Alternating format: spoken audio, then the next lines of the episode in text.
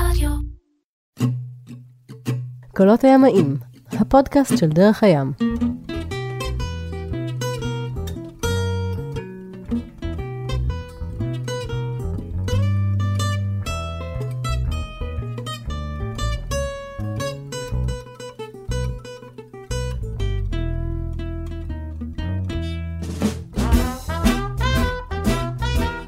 אז אה, שלום לכם, הפודקאסט של דרך הים, קולות הימאים אנחנו קוראים לפודקאסט הזה, ובכל פרק נמצא איתי אורח מיוחד, אנחנו מקליטים אגב את הפרקים האלה כאן במרינה הרצליה, על הפינה הכי יפה של המרינה כנראה, אה, אחת הפינות היחידות שממנה אפשר לראות את הים הפתוח, לא? נמצא איתי כאן באולפן המאולתר שלנו סמי חן, שלום. שלום, מדריך, אה, מדריך ותיק בדרך הים, יש לומר. פחות או יותר. אה, כמה שנים ותיק? עשר שנים אוטוטו. ומה אתה מלמד בדרך כלל?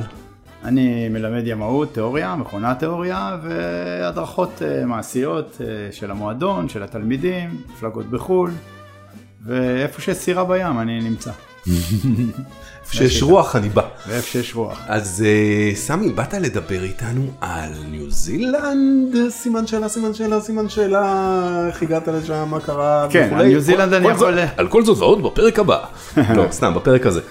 על ניו זילנד אני יכול לדבר שעות כי עשיתי שם טיול מאוד גדול, אבל אני אדבר איתכם על קטע מסוים בטיול שלי בניו זילנד, וזה הפלגה שעשיתי שם במשך אה, חמישה ימים, לפני אה, עשר שנים, משהו כזה, אה, וזה בעצם הייתה אה, פגישה עם הבת שלי וחברה שלה שהיו שם בטיול בסביבה, ואני באתי עם אשתי, ובעצם כשפרשתי מעבודתי הקודמת, עשיתי מין טיול שחרור כזה, ותחילת הטיול היה בפגישה עם הבנות, ולקחנו סירה לחמישה ימים, והפלגנו, כי אין מקום שאני הולך אליו ואני לא מחפש איך להפליג בו, קודם כל, לפני הכל.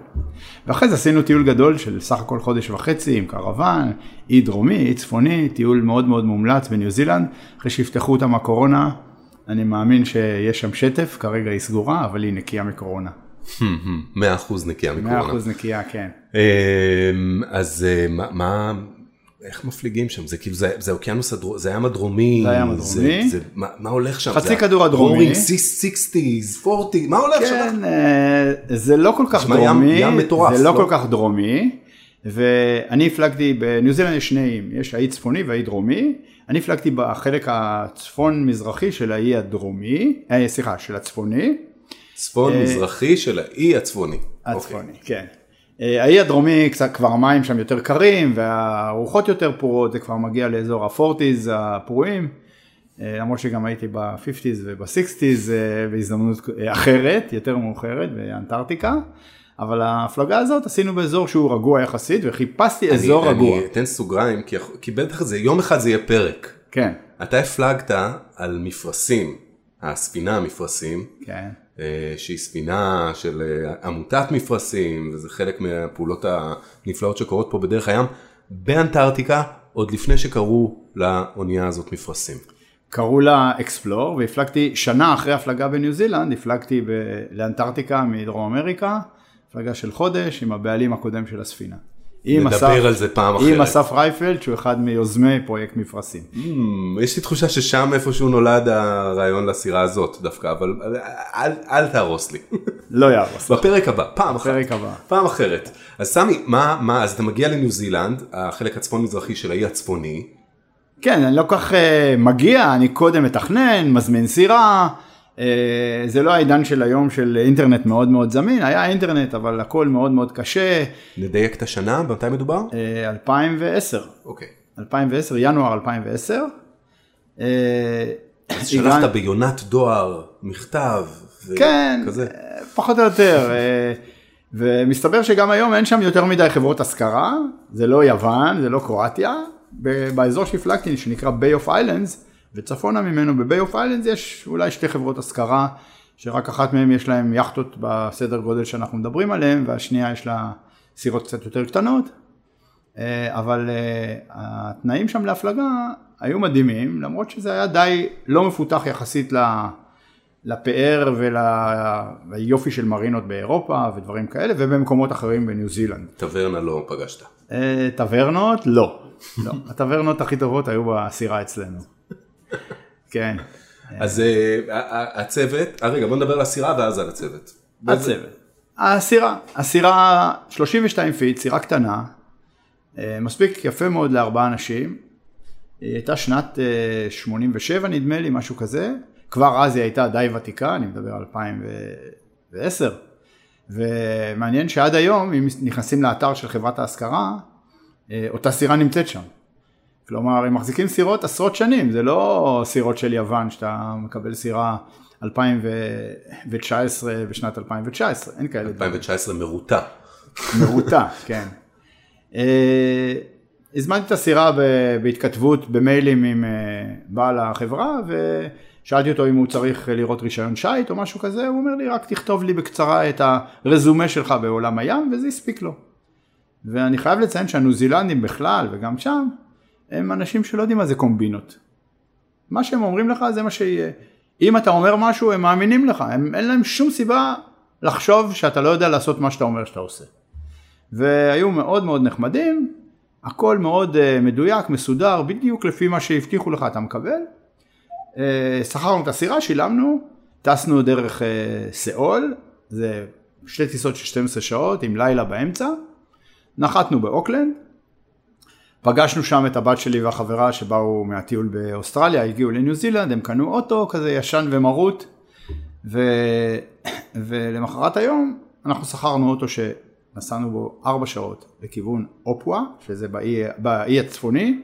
הבנות הגיעו גם כן אה, במקביל לנו, נסענו ביחד, והיינו שם לילה אחד במלון, למחרת עשינו קניות בבוקר, כמו שעושים ששוכרים סירה ב- ביוון או בכל מקום אחר.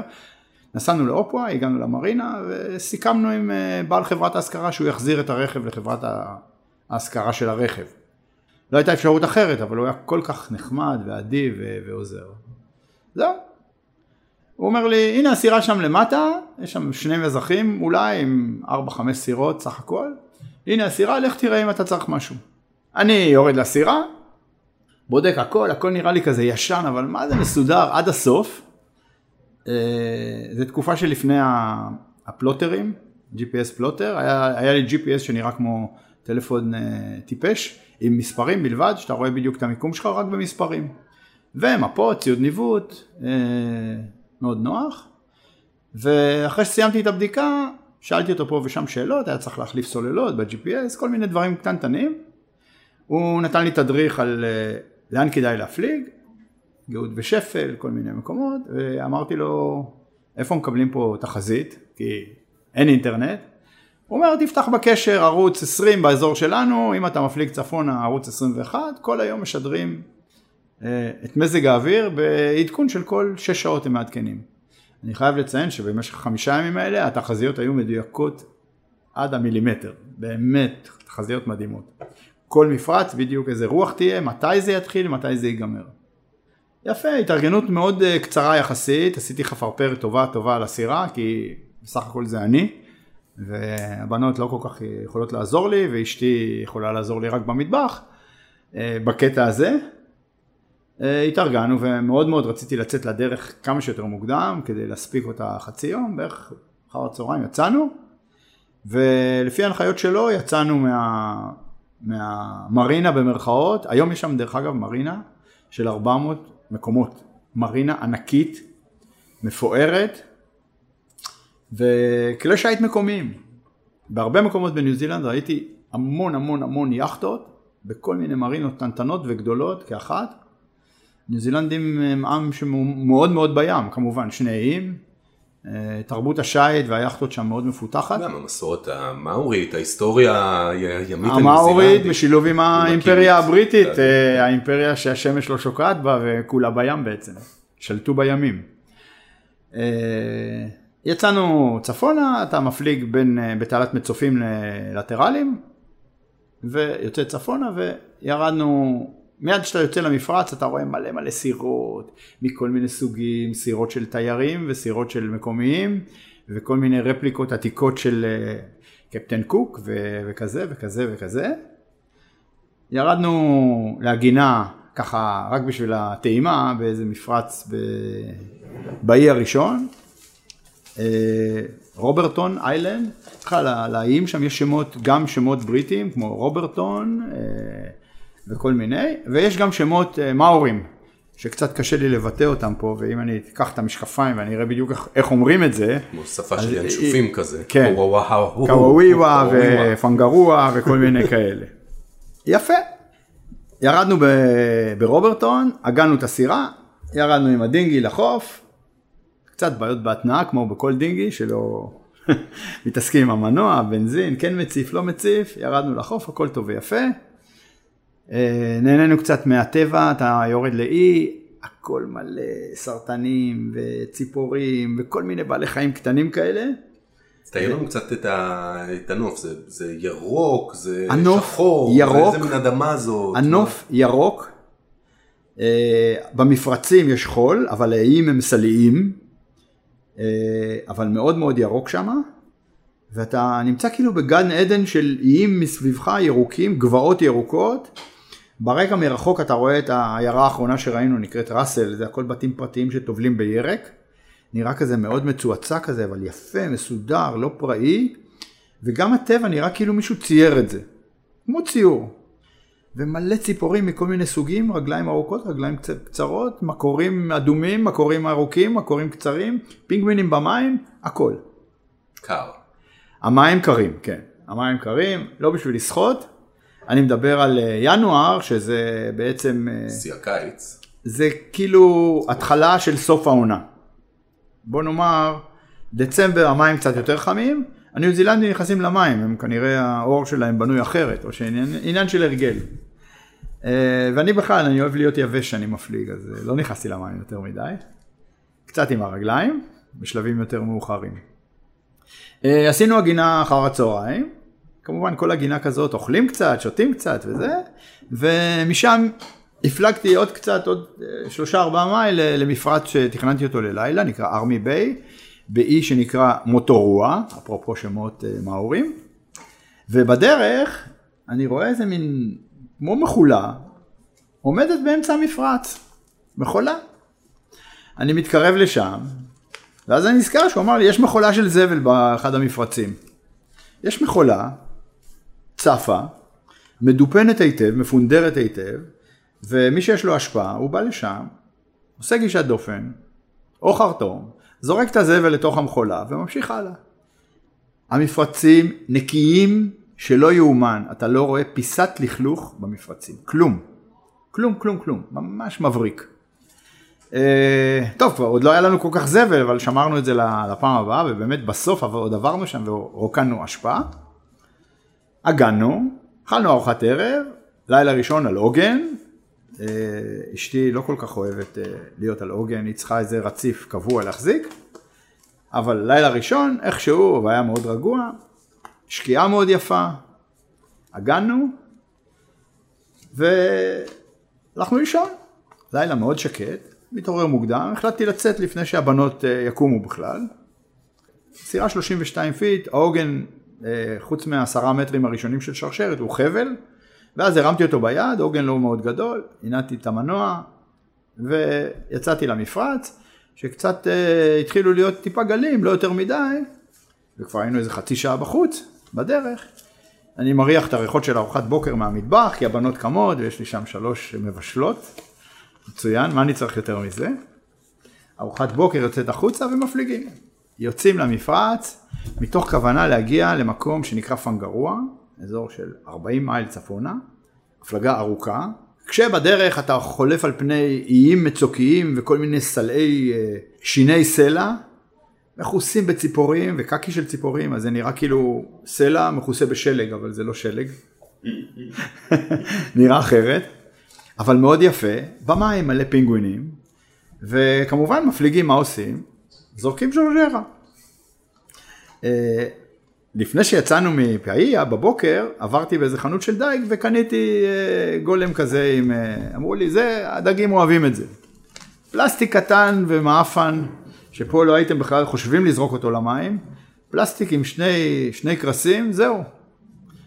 זרקתי אותו לים, מאחוריי, תוך רבע שעה היה לי דג.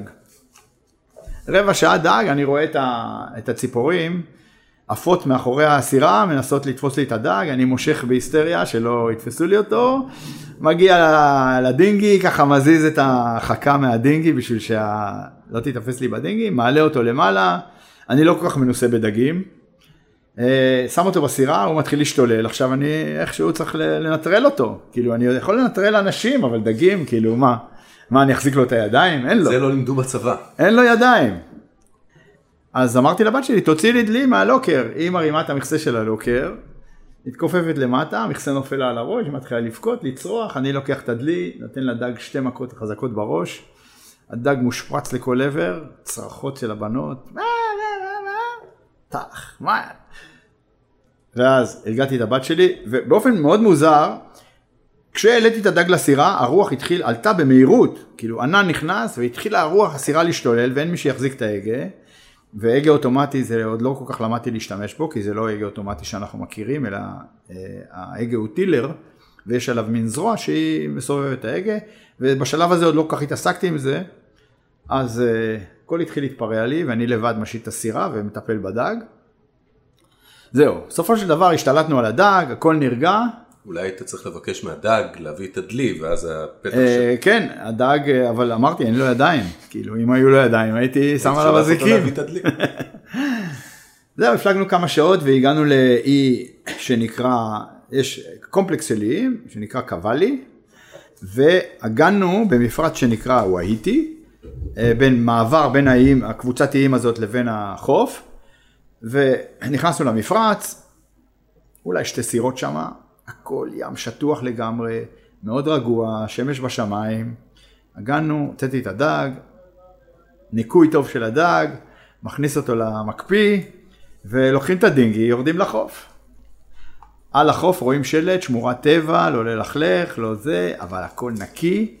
אתה רואה בצד של המפרץ, יש שם איזה אה, כמה מגרפות מפלסטיק וכמה דליים, שאם יש לכלוך, שאנשים יוכלו לנקות. איזה יופי. אה, כל מיני מבנים מאוד מוזרים של מאורים שעשויים מענפים של עצים אה, בצורת אוהל, כאילו, כאילו שלד של אה, אוהל אינדיאני כזה. כאלה מבנים שאני לא הבנתי מה הפירוש שלהם, אבל זה היה מאוד נחמד כזה, מאוד ציורי. וגם שם הרבה ציפורים, וכמה סירות שעוברות באופק. עשינו איזה שעתיים שם, נהנינו יפה מאוד, חוף חולי, בגלל השפל, החוף מאוד מאוד, החול מאוד גדול גדול, ארוך ארוך ארוך ארוך, ובגאות הוא מגיע, המים עולים בחזרה עד האבנים. אה, זהו, לקחנו את הסירה, המשכנו להפליג אה, לכיוון צפון, היו כבר רוחות חזקות יותר, קדמיות, קצת גלסים, אני מתעקש להפליג על מפרשים כל הזמן, כמובן, ואני מתקרב לאזור של מפרץ פנגרוע, שהבחור מהחברת השכרה אמר לי שקשה למצוא את הפתח שם.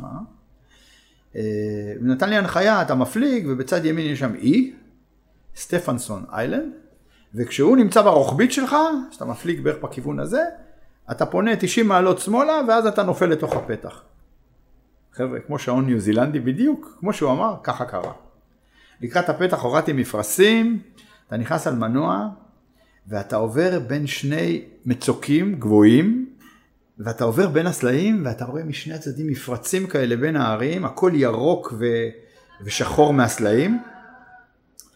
אה, וזה פשוט אה, הזכיר לי, בדיוק קראתי ספר לפני, אה, שנקרא מים כחולים, של טוני הורוביץ, על המסעות של קפטן קוק. והזכיר את התיאור של אה, קפטן קוק שהוא נכנס למפרץ הראשון שלו בניו זילנד. אז הייתי באווירה, אני בכלל לא אוהב לקרוא ספרים, שאני מפליג באיזשהו מקום, ספרים על המקום הזה. גם לאנטארקטיקה קראתי ספר על אחת המסעות של שקלטון. אוקיי. אה, ואני נכנס, יש לי הרגשה כזאת של, אה, אני מתמלא ב... ב, ב לא יודע, השראה כזאת, שהנה וואלכ, אני כמו קפטן קוק, נכנס לפנגרוע. נכנס לעומק המפרץ, הכל שקט, שכפים, ציפורים, ובקצה אני רואה מין בליטה כזאת, מין אה, צ'ופצ'יק קטן על ההר. בדיעבד בדקתי מה זה, זה שסתום וולקני, ויש כיפה מאוד יפה מעל המרינה, ומגיע למרינה. המרינה בעצם זה כמה מזחים צפים שקשורים יפה אחד בשני. הקשרתי לרציף אורחים, קיבל אותי באופן מאוד יפה האיש מהמרינה שם, אלן, והוא שואל אותי, נו, תפסתם? אני אומר לו, מה, דגים? אמרתי לו, כן. מה תפסתם? אני אומר לו דג, אני לא יודע, לא שאלתי אותו לשמו, הוא גם לא היה עונה לי. אה, הוא אומר לי, בוא תראה לי אותו. אמרתי לו, הוא בפריזר, מפולט. אז הוא אומר לי, "אה, יש לך תמונה? הראיתי לו תמונה, ואז הוא שואל אותי, יש לך סרגל בסירה? אמרתי לו, כן, איזה סרגל? אני מביא לו את הסרגל אה, ניווט. הוא אומר לי, לא, סרגל דגים. אמרתי לו, אני לא יודע מה זה. הוא יורד איתי לסירה, ואנחנו מוצאים גליל קרטון, שכשאתה פותח אותו, הוא מגיע לאורך איזה מטר וחצי, ויש עליו סימנים של אורך, ופרצופים של דגים. הוא אומר לי, זה הסרגל שאומר לך את אורך הדג המינימלי. אם אתה תופס פחות מהאורך, אתה צריך להחזיר לים. והדג שלך, שאתה אומר שהוא היה בערך 50 וכמה סנטימטרים, אתה יכול לדוג אותו רק כשהוא 75 סנטימטר. אבל אתה לא רציני, אתה לא דייג מקצוען והוא רגוע. מסתבר שהמרינה הזאת זה מרינה של דייגים. מלא מלא סירות מנועיות עם מחכות, ושם זה כמו הסדרות ב-National Geographic על דייגי אתונה, זה המקום. אה, שחרר אותי, היה מאוד נחמד. בערב אכלנו את הדג, עשינו כביסה, התקלחנו, הכל על המזחים כדי הצפים. להעלים את הראיות. אה, כן, לא, הוא התייחס אלינו באהדה, שמע שאנחנו מישראל, היה מאוד מאוד אדיב ונחמד. הוא אומר, אף פעם לא היו לי ישראלים פה. אמרתי לו, הנה, אתה רואה, יש.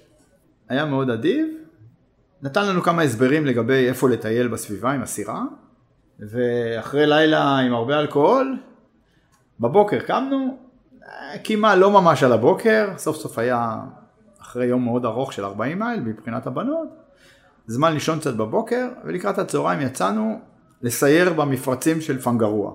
זה קומפלקס של מפרצים, והוא אמר לנו שאתם יוצאים ביציאה בצד ימין אתם יכולים למלא מים, כי שאלנו איפה למלא מים, הוא אומר אנחנו אין לנו מים, יש פה בעיה של מים, אבל אתם יכולים למלא במשמר החופים. אמרתי לו איפה זה? במפרץ הימני. ובמפרץ השמאלי יש מפרץ עם נחל שכדאי להיכנס בגאות כדי לא להיתקע, ויש שם צוק מאוד יפה שנקרא דיוקס נוז, האף של הדוכס. כשאתה מסתכל עליו אתה רואה את הפרופיל של פיליפ, בעלה של מלכת אנגליה, ממש ככה.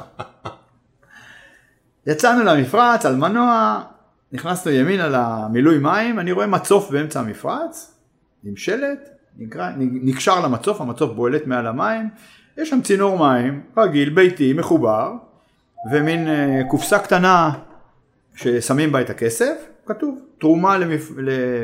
למשמר החופים של ניו זילנד, לבירות. כן? חמישה דולר, אתה שם שטר בתוך הקופסה, ויש גם שלט, המקום תחת פיקוח. טוב, עצר, נקשרתי חרטום, מילאתי מים בסירה, התנתקתי, ועברנו למפרץ השני, אה, הגענו, ירדנו עם הדינגי לחוף, עלינו ל- לדיוקס נוז, ואז כשאתה למעלה, אתה רואה את כל קומפלקס המפרצים במבט על, כמעט כמו ציפור, ואתה רואה את הכניסה ואת היציאה ואת המפרץ הזה, יש ערבוב של צבעים כחול וירוק, והשמש פעם זורחת ופעם מכוסה בעננים, ומראות מדהימים ליופי. פשוט אתה, ואתה חוטף שם את הרוח אחרי שהסתובבת, אתה הולך ביער גשם עד למעלה.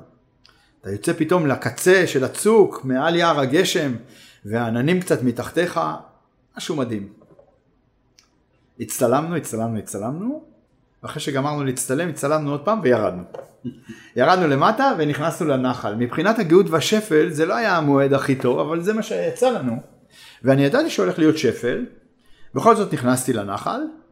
אז בהתחלה אתה נכנס עם הדינגי, המנוע עובד, אחרי זה המים קצת רדודים, אתה מרים את המנוע, משוטים, ואחרי זה ראיתי שהמים כבר מתחילים לרדת, הסתובבנו, בשלב מסוים הייתי צריך לחתור, ובשלב מסוים הבנות ישבו על הסירה ואני גררתי אותם עם חבל, כי זה היה כל כך רדוד. הכל היה במין גשם דריזל כזה, גשם אנגלי, אה, ומעונן, אבל מלא ציפורים, מים זורמים, כל מיני צמחים מפותלים ומעוותים מה... מהשורשים שלהם מסתובבים, שורשי אוויר, מראה מדהים, מראה נדיר. נדיר. חזרנו לסירה, אמרתי לאשתי, בואי נעגון פה, נישן בלילה. לא, לא, אני רוצה מזח. חזרנו לאלן, במרינה בפנגרוע, זה לא מרחק גדול, הגענו שם. התחזית למחרת אמרה שבערב, בסוף היום, הולך להיות פרוע באזור שאנחנו חוזרים עליו. אז אמרתי, נצא מוקדם בבוקר, זה היה בכל זאת 40 מייל לחזור. יצאנו מוקדם בבוקר, לפני הקפה, לפני הכל, קפה על הדרך, התחלנו להפליג, ולקראת אחר הצהריים, בערך שלוש וחצי, ארבע, כבר הייתה רוח מאוד מאוד חזקה, כאילו 15-20 קשר, חזקה בשביל, ה... באופן יחסי, כאילו. מהבדיקה של, כיו... של התחזית וכיווני הרוחות, בחרתי מפרט שהסתבר שחצי האי הצפוני באו לעגון שם, כי זה המפרץ היחיד שמגן מה... מהצפון מזרחית שהייתה שם, אבל לפני שהגענו למפרץ ראינו שיש תחרות מסביב לאיים. בהמשך הסתבר לנו שזה אליפות אה, חצי שנתית שעושים שם, היו שם איזה בערך 150 יכטות, למחרת גם ראינו אותם, שהפליגו עם ספינקרים והיו צפופים אחד על השני והיו שם פייטים יפים סביב האיים, אבל אנחנו נכנסנו קצת שמאלה לתוך, ה... לתוך המפרץ שלנו, מפרץ שנקרא אוטאיו, ויחד עם הרבה הרבה סירות אחרות הגענו שם. היום מאוד ארוך, מתיש, מעייף, הגנתי את הסירה, בדקתי נעיצה והלכתי לנוח. אחרי איזה שעה אני שומע צעקות, אשתי צועקת לי, סמי, סמי, סמי, אני קם, אני רואה שהעוגן שלי קצת נגרר, והסירה שלי התקרבה לסירה על ידינו. מדבר איתך על שעות האור עדיין. מה עושים? אני לא יכול לשחרר עוד משך, הרמתי את העוגן, מיד שניות הגיע אליי ניו זילנדי עם אה, סירת מנוע, הוא מציע לי לעזור. אמרתי לו, אני בסדר, אני, אני אזרוק עוד עוגן, אה, אני אזרוק את העוגן יותר רחוק, זרקתי את העוגן יותר רחוק, והייתי צריך מישהו בהגה, והבת שלי קצת אה, נלחצה שמה, אז הוא ישב לי על ההגה, ואני הפלתי את העוגן במקום קצת אחר, ואחרי שהפלתי עוגן אחד, החלטתי לקחת את העוגן הרזרבי, כי לא שמחתי על העוגן הזה, אם הוא נגרר אחרי שנעצתי אותו, יכול להיות שהוא לא במשקל הנכון, קרה לי כבר בהפלגה קודמת בטורקיה, שנתנו לי עוגן שהיה קל מדי, וכל זריקת עוגן הייתה בעיה. עד שהחליפו לי את העוגן במקום 12 קילו, 15 קילו, וכל מכה, בול. אז החלטתי שאני לא לוקח צ'אנסים, לקחתי את העוגן הרזרבי, זרקתי אותו ב-60 מעלות לעוגן השני, הגנתי על שני עוגנים, אמרתי, זה לא יזיק, במקרה הטוב זה יועיל. ואחרי כל הדרמה הזאת, חזרנו לסירה, כבר מאוחר, ערב, שתיתי איזה בקבוקון וויסקי, שמישהו פעם נתן לי אותו, הביא לי בקבוקון קטן, הוא אמר שזה וויסקי מאוד מאוד מיוחד מסקוטלנד, הבחור שהביא לי את זה הוא, הוא אנגלי, בריטי, ואמר לי, את זה אתה צריך לשתות על איזושהי סירה, איזושהי סירה, בהפלגה מיוחדת. ושמרתי את הבקבוק הזה בערך שנה וחצי, ולקחתי אותו והחלטתי שאני שותה אותו שם. בקבוק קטן, אני לא בדיוק אה, מאלה ששותים וויסקי, אבל היה מאוד נחמד. וויסקי, אוכל טוב. טוב, עשר בערב יושבים בסירה, כל אחד עם המוזיקה שלו, עם הספרים, ופתאום אני שומע בקשר, mayday, mayday, mayday, mayday, mayday, mayday, קריאות מצוקה, ספינה לא רחוק מאיתנו, הסתבר בדיעבד לפי המיקום שהם נתנו, ראיתי איפה הם נמצאים, אמרתי לשם אני לא יכול ללכת, והיו חוץ ממני עוד איזה 60-70 סירות במפרץ, בטח שאני לא אצא, גם אסרו עליי להפליג בלילה ואין לי ממש את הכלים לעזור לה. ומתחיל להתפצח מצב מצוקה, קוראים מהחילוץ בפנגרוע, החילוץ הכי קרוב במרחק 40 מייל משם. אה, הרבה רעש בקשר, לחץ בסירה אצלנו כמובן, אשתי בלחץ, הבנות אדישות, האלכוהול עשה את שלו. ואחרי שלושת רבעי שעה הם מודיעים, סילון ספיני, הכל בסדר, מה קורה? יש שם הפרשי גאות ושפל מאוד גדולים, הם פשוט עלו על, על, על חול במפרט שהיה פתוח לסערה, והיו כבר, היה כבר 35 קשר, אנחנו היינו מוגנים, אבל הם היו בצד הצפוני שלנו, בצד שחטף, וכשהמים עלו, הם הצליחו לצאת מה, מהמקום ולהסתלק משם, זה לפחות לפי הדיווח שלהם. יפה, הולכים לישון. זה מין מהלילות האלה שאתה יושב ומקשיב לדרמה שמתחוללת בקשר ושלב כן, אחרי שלב אבל זה לא ענייני, אני הולך לישון, מה, כאילו, מה, אני, מה אני יכול לעזור? מה אני אעשה? אם אתה לא יכול לעשות כלום, אל תדאג. כמו הגורו ההודי הזה שמדבר, Don't worry. למה לא לדאוג? כי אין לך מה לעשות עם זה. טוב, אשתי כמובן אה, בלחץ, חרדות, יורד גשם, רוח חזקה, 25-35 קשר. היא החליטה לשבת בחוץ, כאילו בקוקפיט, סגרה, סגרנו את הבימיני, יושבת שם, אמרתי לה בואי לישון. לא, לא, אני שומרת. אמרה, מה את שומרת? אני שומרת. כמובן, יש לזכור שאחרי צהריים הסירה נגררה, וכבר יש לחץ, ופה ושם. סבבה. אני הולך לישון, באמצע הלילה איפשהו, אני לא יודע בדיוק מתי, אני שומע צעקות, סמי, סמי, סמי. אני רץ למעלה, כיוון שהיה גשם, היא סגרה את המכסה של האץ' ואני עם הראש במכסה של האץ', פח, חוטף מכה, היה שם איזה בורג קטן, עשה לי חור קטן בפדחת. היא אומרת לי, הסירה נגררת. אני אומר לה, לא, הסירה לא נגררת. יש רוח, הסירות מחליפות מקום, משנות מקום, ושאם ראית אור בצד הזה, עכשיו הוא בצד הזה, בגלל שהסירות הסתובבו. אוקיי. אני אומר לה, בואי לישון, לא רוצה לישון. טוב. לא יכול לשכנע אותה. יורד עוד פעם לישון. אחרי פרק זמן מסוים שאני לא יודע כמה וכבר שקעתי לשינה עמוקה שוב עוד צעקות. עוד פעם אני רץ למעלה עוד פעם אני נתקל עם הראש באץ'. ועכשיו מתחיל לזול לי דם על הראש. אני אומר לה תעשי לי טובה מותק. עד שאת לא שומעת בום כאילו שהסירה נגעה במשהו את לא מעירה אותי אבל בואי לישון לא.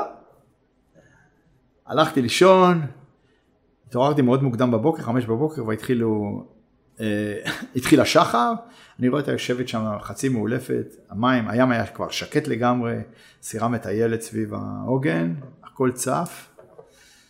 נתתי לה לנוח כמה שעות ואחרי זה עוד פעם יצאנו. עברנו לצד השני של האי שהגענו לידו בשביל לרדת לחוף. ירדנו לחוף, עשינו טיול בחוף. זה אתר קמפינג, ממש מלא אוהלים, אנשים באים לשם בסירות, מורידים אותם בסירות של תיירים כאלה, הם נשארים לקמפינג יומיים שלושה, ואחרי זה באים לאסוף אותם. הכל נקי, כאילו עכשיו היה ניקיון. ואז תכננתי לצאת משם למקום שנקרא The Hole in the Rock, החור בסלע, וזה מה שנקרא הדובדבן שבקצפת של Bay of Islands. אבל כבר הייתה רוח מאוד חזקה, וביציאה מהמפרץ כבר אה, ראינו שיש גלים, אה, רוח 15-20 קשר, גלים מטר, מטר וחצי, הבנות אמרו לי, מספיק, די, עד כאן. כמובן שאני אה, תלוי בהן, והתחלנו לחזור חזרה. אני חייב לציין שבמפרץ הזה החלטתי לצאת בכלל על מפרשים, בכלל לא להניע מנוע, הרמתי את המפרש הראשי על עוגן, הכל לבד, הרמתי את המפרש הראשי, אחרי זה הרמתי את העוגן, פתחתי חלוץ, ירדתי מהרוח, יצאתי להפליג, והרמתי את המפרש כבר מצומצם כי ידעתי שתהיה רוח חזקה, והפלגנו בחזרה לכיוון אופואה, למרות שיש לנו עוד לילה בדרך, וביום הזה פשוט הפלגנו בתוך ביי אוף איילנדס בין האיים, בין המפרצים, עצרנו במכולת האשפה שהזכרתי קודם, ועל הרקע של ההפלגה שלנו, המאה ומשהו סירות שהיו שם בתחרות, נלחמות עם ספינקרים שעפים ונקרעים, והטיות מטורפות, פשוט מראה נדיר של סירות ממש ממש צפופות. זה לא אליפות ישראל פה 30 סירות, זה 150 סירות, 100-150 סירות אחת על השנייה. מראה נדיר. אחר צהריים הגענו לצד הצפוני של העיירה ראסל. זה נראה ממפרץ כזה רגוע, הגענו שם, הבנות ירדו עם הדינגי לחוף, דרך חצר של איזה ניו זילנדית ששאלה אותם מה אתם רוצות, אמרו אנחנו רוצות ל- לעשות קניות בסופר. לקחה אותם ברכב שלה לסופר, החזירה אותם. הלוך וחזור, אלה הניו זילנדים. נחמדים, חבל על הזמן. הבנות חזרו, באו לסירה, שתינו כוס יין לסיום, ערב אחרון, ארוחה נחמדה, יצאנו מהמפרץ הזה קצת יותר לעומק המפרץ כדי להיות מקום יותר אה, שקט ויותר מוגן, שם הגענו, והערב האחרון היה כזה ערב של הרבה אלכוהול ואוכל ו... וצחוקים. אה, בבוקר קמנו, היינו צריכים להגיע עד 12 בצהריים לאופואה, שזה לא ממש מרחק גדול, היינו פשוט צריכים לעבור איזה כיף ש... שבלט. ושוב התחרות עדיין ברקע של הסירות. יצאנו קצת קדמיות, רוח חזקה, מפרשים מצומצמים, טסנו, עברנו באזור התחרות והקפנו את החצי שעליו נמצאת ראסל וחזרנו לתוך המפרץ לכיוון אופרה ובסופו של דבר הגענו למים שקטים, הורדנו מפרשים, חזרנו למרינה, הכל תקין, הכל רגוע, חמישה ימים מהממים. נשמע ככה. מהממים. גם חוויה יפה עם, עם הבת שלי, ואומרים שלטייל עם הילדים, עדיף לטייל כל פעם עם ילד אחד, כי כשהפלגתי עם שלושתם היה קצת קשה.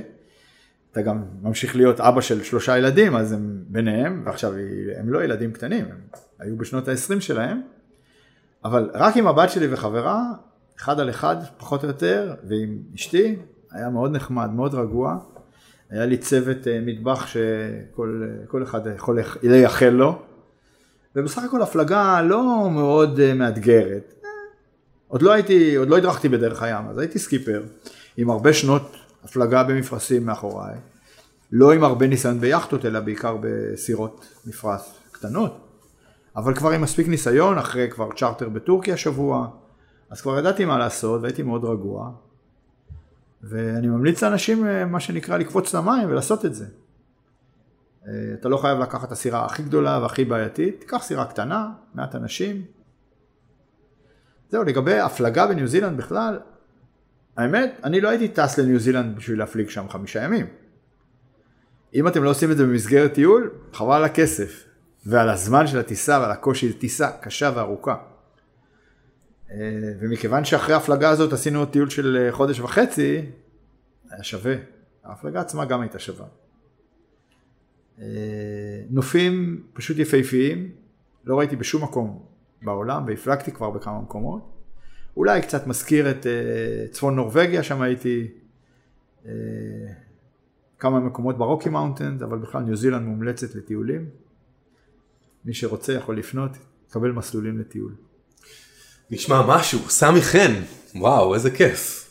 נשמע כן. כמו טיול טיול, אני ככה הקשבתי לך, הקשבתי לך ועפתי. אה, בוא, בוא נבטיח שנצרף אה, לעמוד הפודקאסט אה, גם קצת תמונות. יש יעדים? בוא, בוא נסכם באיזה יעדים עתידיים, מה, מה התוכניות? אני יכול להגיד שאחרי שהפלגתי לאנטארקטיקה התראיינתי בעושים גלים. שמעתם עליהם? ברור, התוכנית ההיא בחינוכית. כן, אז התראיינתי בעושים גלים, והבחור שם שאל אותי, ולאן מפליגים עכשיו? אז אמרתי לו, אין לי תוכניות, מה שמגיע מגיע, אני רוצה להפליג בכל מקום. אני לא, בשלב כזה בחיים שלי שאני לא מחפש אה, כל מיני אתגרים ולהקיף את העולם וכל מיני מקומות. אני שומע על מקום, מתביית, יאללה קדימה.